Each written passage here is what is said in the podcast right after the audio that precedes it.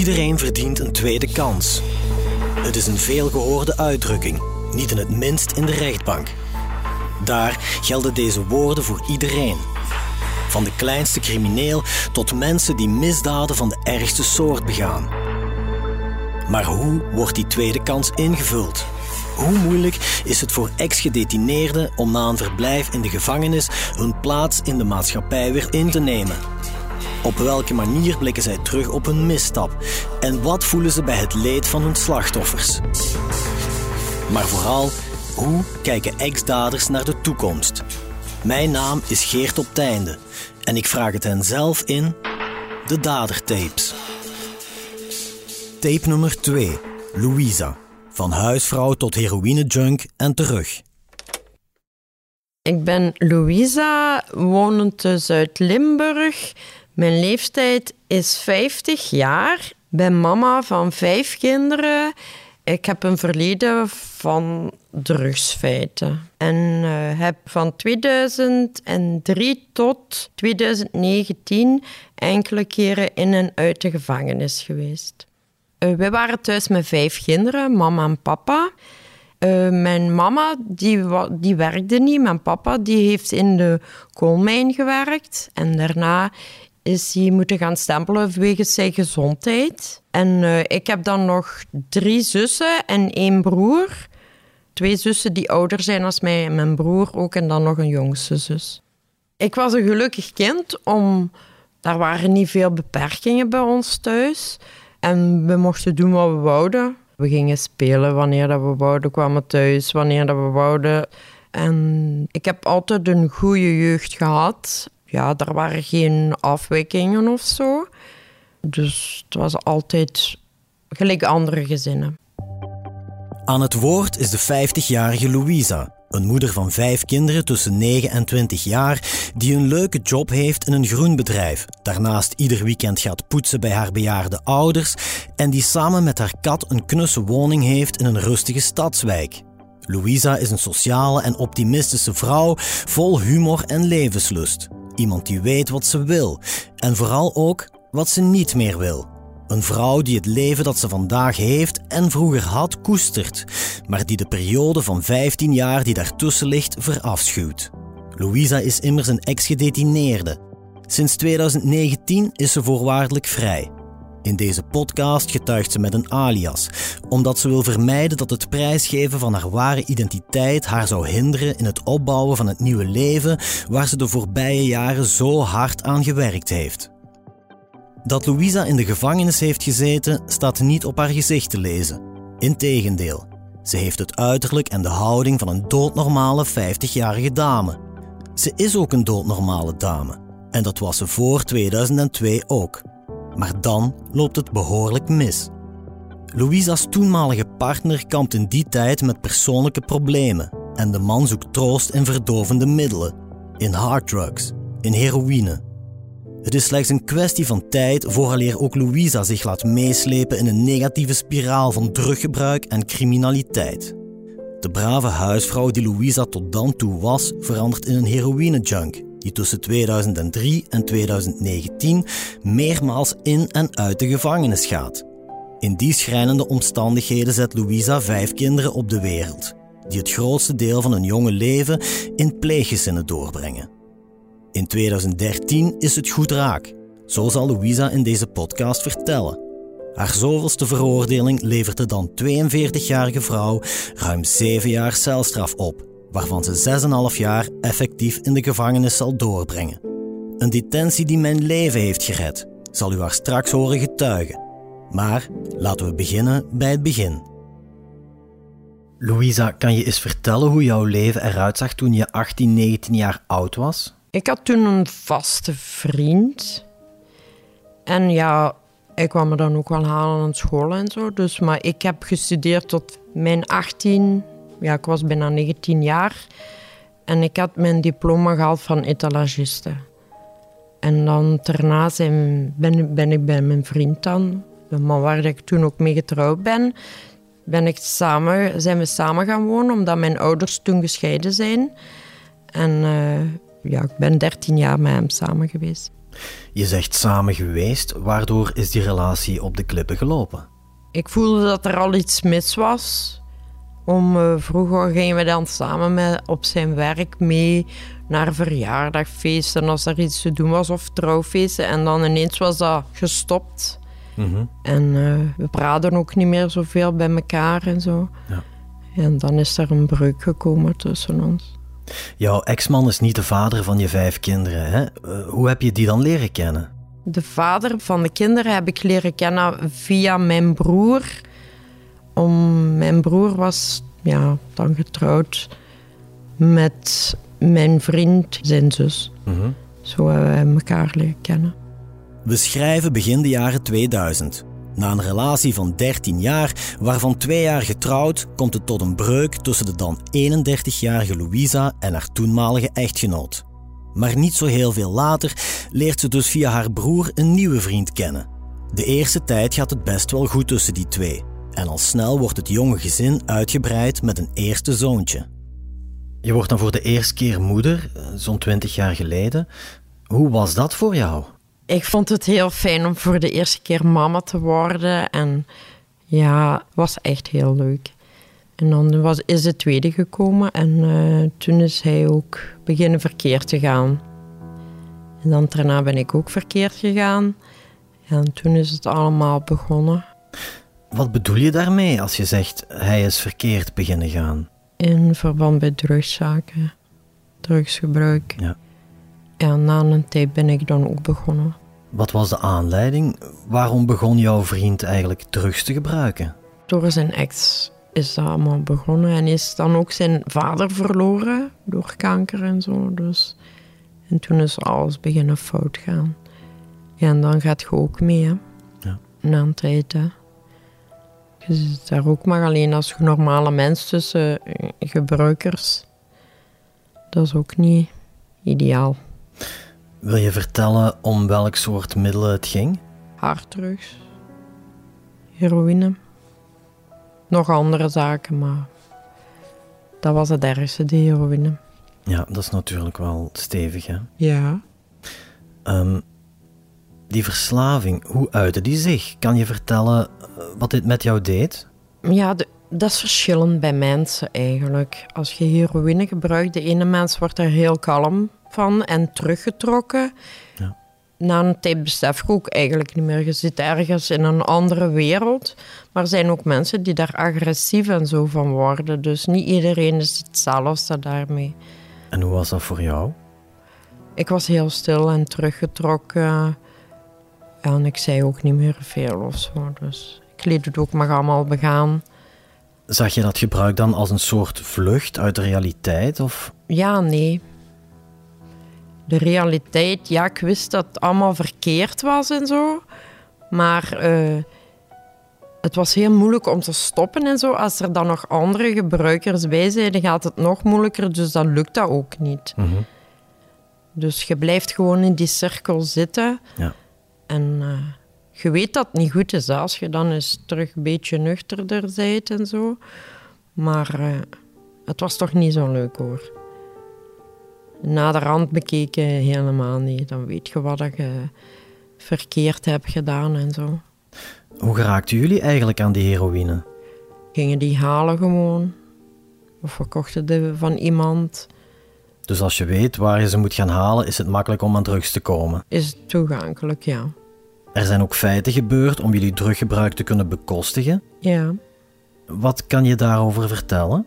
Meer handtasdiefstal en zo. En meer op frauduleuze wijze geld bekomen. En wanneer zijn jullie begonnen met die criminele feiten te plegen? Want ja, dat zal wel niet meteen in het begin van jullie verslaving gebeurd zijn, hè? of wel? Pas na jaren. Je ziet toch dat je altijd je middel hebt voor je dag rond te komen en zo. Maar na een tijd wordt er ook dat je meer en meer nodig hebt. Dus wordt het ook kostiger daarvoor. En ja, dan gaat je van alles kijken voor van alles te doen en zo. Voor toch aan je geld te geraken voor je spul kunnen te kopen. Jullie zijn daarin verzeild geraakt op het moment dat jullie tweede kind er al was, dacht ik. Hè? En de volgende kinderen die zijn dan gekomen toen jullie in die verslavingsproblematiek al zaten. Ja. Hoe, hoe was dat voor jou om tegelijkertijd ook moeder te moeten zijn voor jouw kinderen? Ja, je probeert dat wel, hè. Maar het is niet, je doet het niet zoals het eigenlijk moet, hè. Ik had dan ook wel hulp en zo. Maar het is niet de ideale situatie dan voor kinderen te hebben. Maar bij mij kwam het dan gewoon ook dat ik terug zwanger was. Als ik gebruikte, ja, kreeg ik mijn maandzonde niet. Terug clean, ja, dan had ik daarna terug prijs. Maar ja, dan moest je de pil nemen, maar ja, dat geld had je niet. Dus en dan ja, was ik elke keer terug zwanger. In geen tijd slaat het leven van Louisa compleet om en verzeilt de jonge vrouw in een wereld vol drugs en criminaliteit. Zelf gebruikt ze dan nog niet, maar ze dealt wel en pleegt ook diefstallen om de verslaving van haar partner te kunnen bekostigen. Uiteraard kan dat niet zonder gevolgen blijven en in 2003 valt de politie binnen. Die eerste keer dat jij in aanraking bent gekomen met justitie, in welke omstandigheden was dat? Toen was het eigenlijk nog goed, want uh, mijn tweede zoon was toen nog, nog maar enkele maanden oud of zo. En toen gebruikte ik zelf er nog niks, maar daar worden wel verkocht dus. En daar is de politie dan binnengevallen en zo. En ben ik voor de eerste keer naar de gevangenis gemoeten. Voor het verhandelen van drugs dan? Ja. Je bent toen voor de eerste keer moeten voorkomen. Hoeveel heb je toen gekregen? 13 maanden. En hoeveel heb je daar dan effectief van gezeten? Iets meer dan een maand in voorarrest. En de rest was dan mij uitstaan. Mm. Wat gaat er op zo'n moment door je heen als je je voor de eerste keer veroordeeld hoort worden voor een misdrijf? Mm. Dat wilt je niet weten. Die moment, ja, ik, was, ik, ik gebruikte het toen nog niet of zo. Dus dat was toen wel heftig. Maar ja, je moet er dan toch door, ja. En uh, leuk was het niet.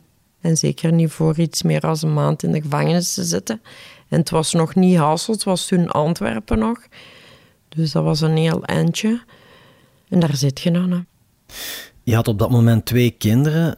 Heb je hen in die maand dat je in de gevangenis zat ook mogen zien? Nee, nee die waren toen bij mijn familie. Mm -hmm. En toen als ik vrijgekomen ben, toen zijn ze direct terug naar mij mogen komen. En nadat je dan vrij kwam, ben je toen weer bij je vriend ingetrokken ook? Hij zat ook in de gevangenis. Ah, oké. Okay. Dus mij heeft langer als mij dan in voorrechtenis gezeten. Ja, dus jullie zijn eigenlijk beide veroordeeld voor diezelfde feiten? Ja. En toen, waar ben jij dan gaan wonen met de kinderen, terwijl je partner nog in de gevangenis zat? Bij de familie, want ik had geen huis meer of zo. Hè. Ik ben bij mijn familie gaan wonen met de twee kindjes. Totdat hij dan vrij was. En dan hebben we samen terug een huisje gezocht en zo. En dan zijn we terug alleen gaan wonen. Dus in het begin had je wel het netwerk van je familie. Ja. Die zoiets hadden van, we vangen Louisa op en we geven haar nog... nog een kans. Ja. Het zal wel beter worden. Maar dat is niet gebeurd dus. Mm -hmm. Het is dan even beter geweest en dan is het terug bergaf gegaan. Ja.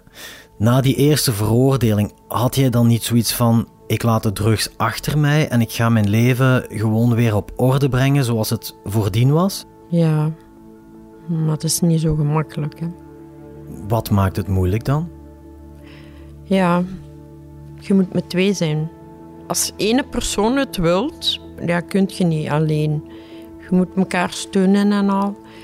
En dat is er niet geweest. Mm -hmm.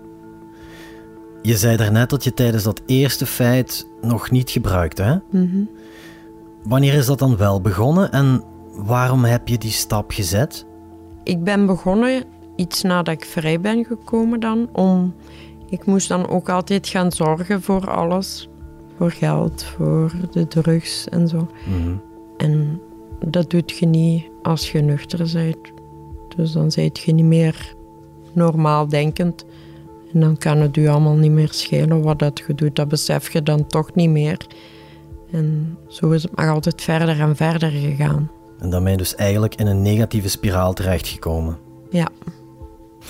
Als we even teruggaan in de tijd naar jouw eerste gevangenisverblijf, hoe was dat? Hoe waren bijvoorbeeld jouw contacten met de andere gedetineerden? Ja, we moesten dan samen op cel of zo met iemand. Ja. En ik had toen, een, een, een- ik kende die vrouw niet hoor. Maar zij zegt, ja, vraag dan of je bij mij op cel mag. Hè? En dan hebben we elkaar toch voor elkaar te steunen en zo. En dan zijn we samen op cel gegaan. En ja, zij is dan, zij is dan ook iets later als mij vrijgekomen. Zij had ook drugsfeiten, dus... Mhm. Ik heb haar dan nog enkele keren daarna ook nog teruggezien, in, uit, zo. Maar dan hier in Hasselt. Werd jij in de gevangenis ook begeleid? Kreeg je daar enige vorm van hulpverlening? ja, voor u zo'n beetje uw situatie op te volgen en zo. Voor te zien of je ergens terecht kunt als je terug kunt vrijkomen. Voor u dan toch een beetje op te volgen en ook naar het justitiehuis toe. Dat je dan ook iemand aangewezen kreeg en zo. En dan moet je daarna, als je vrij bent, moet je dan ook op gesprekken gaan en zo. Of iets anders te regelen van huur of zo. Dat heb ik wel altijd gehad. Wat vond jij zelf het ergste tijdens die eerste opsluiting? Je bent je vrijheid kwijt, hè. Altijd binnenzitten, iets wat ik nooit niet gewoon was. En je weet niet wat er gebeurt met de kinderen en zo. Of de familie, hoe dat ze gaan reageren of zo. Dat weet je allemaal niet. En dan de eerste dagen mag je geen contact hebben of zo. En je mocht ook geen tafelbezoek. Het was dan glasbezoek een maand. En dan daarna had je pas tafelbezoek. Mhm. Kon je ook normaal praten. En dat wachten, hè. Ja. Wachten, oh, daar gaat misschien iemand op bezoek komen of niet. Mhm. Toen je vrij kwam, hè, zijn jij en je vriend dan weer gaan samenwonen met de kinderen. Kan je eens vertellen hoe jullie gezinssituatie in de daaropvolgende jaren dan verder geëvolueerd is? Gewoon hetzelfde. Daar veranderde gewoon niks. En ik wist als ik terug vrij kwam dat toch terug hetzelfde ging zijn. En zo heeft het dan een hele tijd geduurd. Louisa zit gevangen in een net, zo verstikkend dat een normaal gezinsleven compleet onmogelijk wordt gemaakt. En dat ontsnapt niet aan de aandacht van de dienst bijzondere jeugdzorg. Op een gegeven moment wordt er ook ingegrepen naar de kinderen toe. Hè? Wanneer was dat en de omstandigheden toen? Kan je vertellen hoe dat allemaal gegaan is? Ja, ze stond ineens aan de deur bij mij. Wie stond er aan de deur? De politie en de jeugdrechtbank stond aan mijn deur. Ah ja. En eh, ja, ik wou ze eerst niet binnenlaten natuurlijk. Mhm. Maar je kunt ze toch niet buiten blijven houden, dus had ik het maar gedaan. En eh, toen hadden ze gezegd dat ze mij moesten over een zaak overhoren, maar dat ze de kinderen wel gingen meenemen, want dat de situatie thuis niet meer zo goed was. En zeker niet voor de kinderen. Want toen was het derde kind er ook. En toen hebben ze die gewoon meegenomen.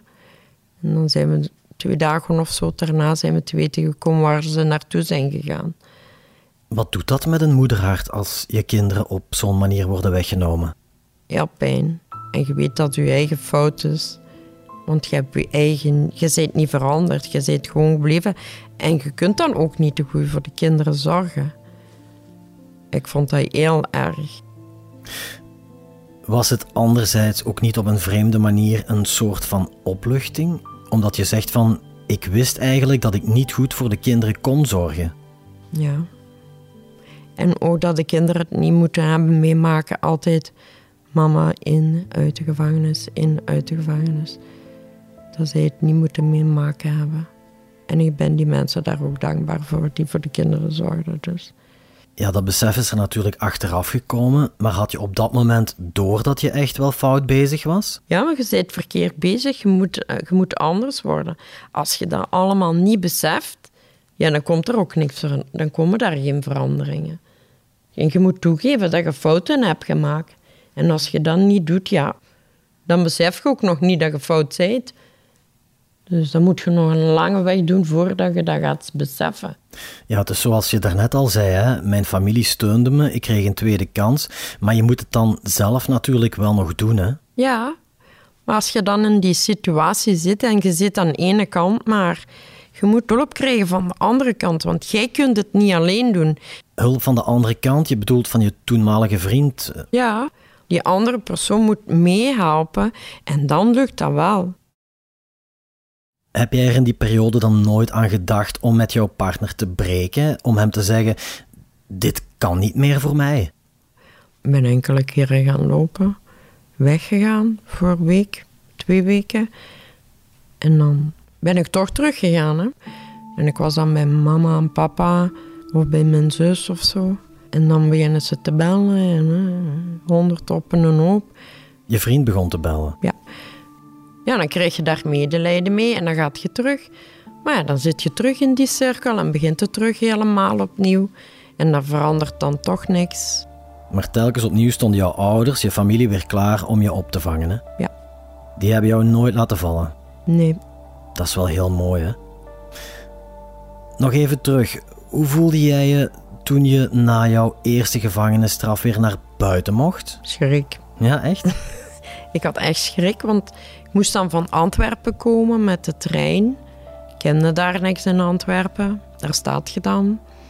Ik had dan een treinticket. Ik was naar Antwerpen, naar het station gegaan. En in de plaats van in die limmer op die plaats moeten afstappen van de trein, ben ik een halte voor afgestapt. Omdat ik schrik dat ze op die plaats mij terug stond op te wachten voor mij terug mee te nemen en terug te doen. Dat is wel heel raar dat jouw eerste reactie was van ik heb schrik.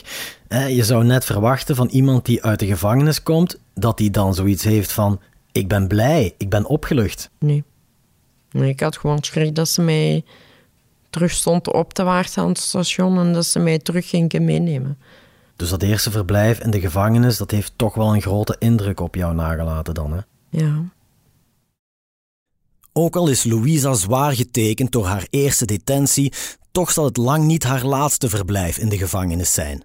Want, zoals ze daarnet al zei, telkens ze vrijkomt, valt Louisa terug in haar oude gewoontes. Je hebt meerdere detenties achter de rug. Hè? Je zei daarnet ook dat het kort na je eerste gevangenisstraf opnieuw is beginnen mislopen. Mhm.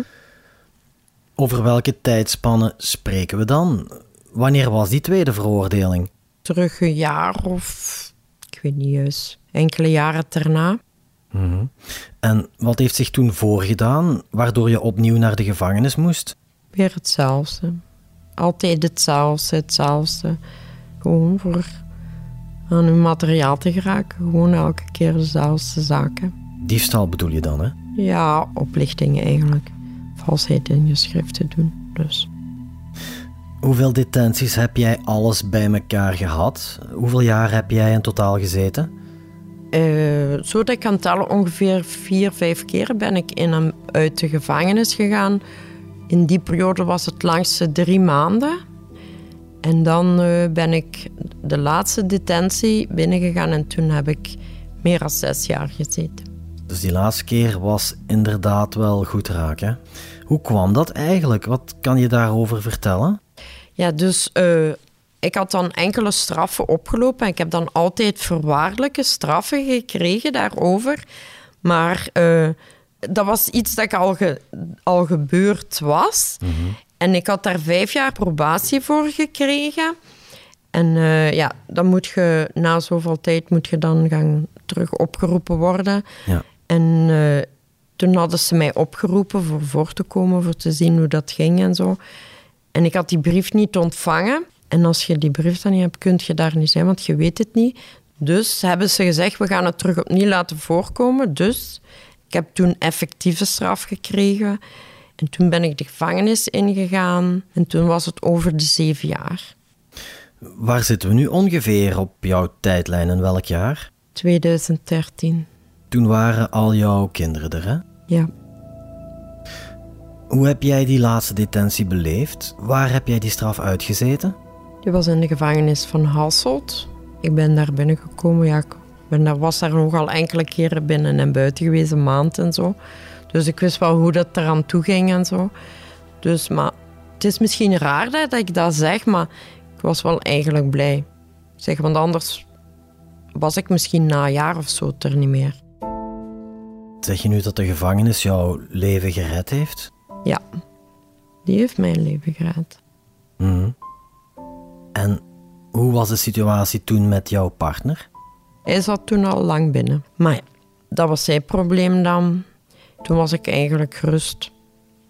ik was blij, ik zeg, gerust. Dus ik was gerust dat ik binnen was. En de kinderen, waar verbleven die op dat moment?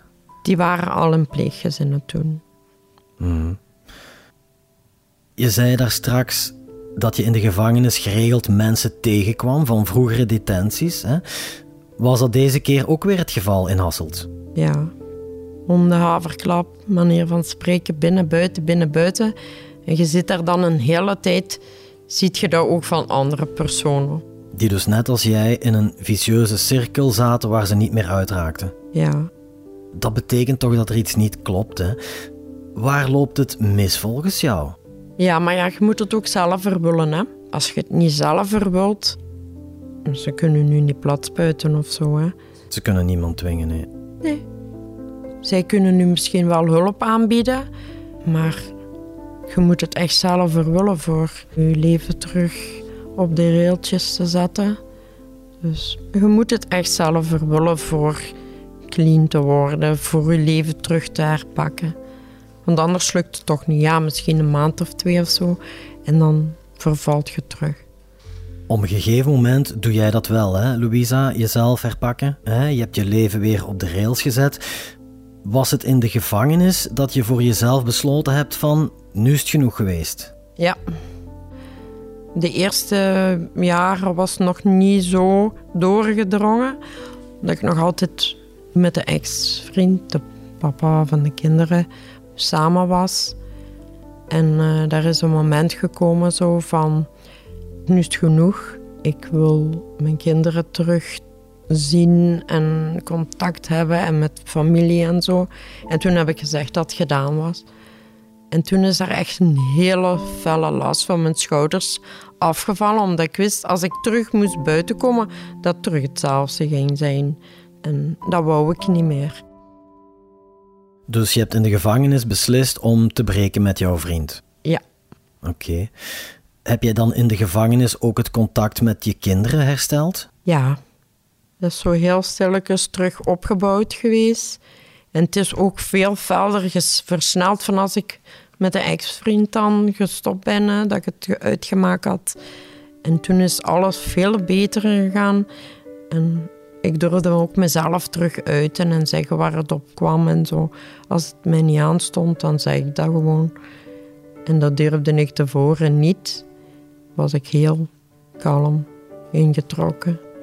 En vanaf toen is alles veel beter gegaan en is het ook heel vlug gegaan met de kinderen.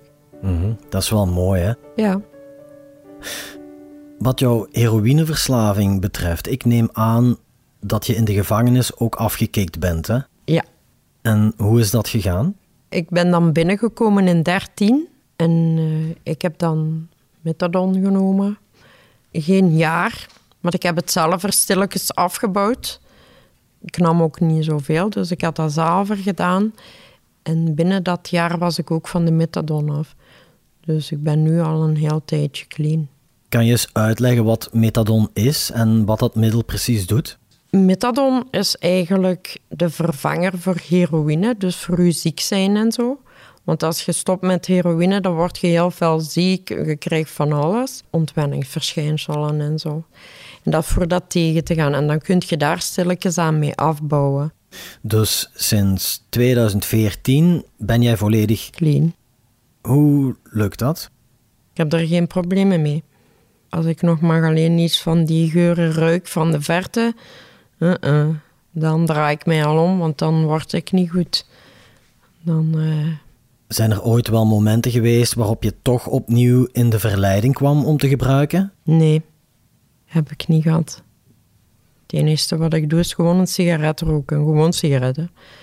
Alcohol doe ik ook niet. Dat is best wel knap, hè? Ja, als je dat op eigen kracht zo voor elkaar krijgt. Ja, maar je moet het zelf willen. Je moet zelf er zeggen, ik ga nu lager met de dosis.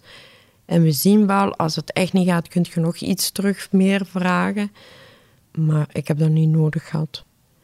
En ik ben zo blij dat ik daar vanaf ben. En dat ik terug een normaal leven kan leiden. Opnieuw een normaal leven leiden. Als het aan Louisa ligt, is er niets dat haar doel nog in de weg kan staan. Maar Om dat doel te kunnen bereiken, daar is pure wilskracht voor nodig. En een massa doorzettingsvermogen. Zo zal Louisa in de volgende aflevering vertellen. Ook hoe ze langzaamaan het contact met haar vijf kinderen herstelt en wat het met haar moederhart doet om slechts Mama Louisa te zijn en niet gewoon mama, hoort u morgen in deel 2 van deze dadertape.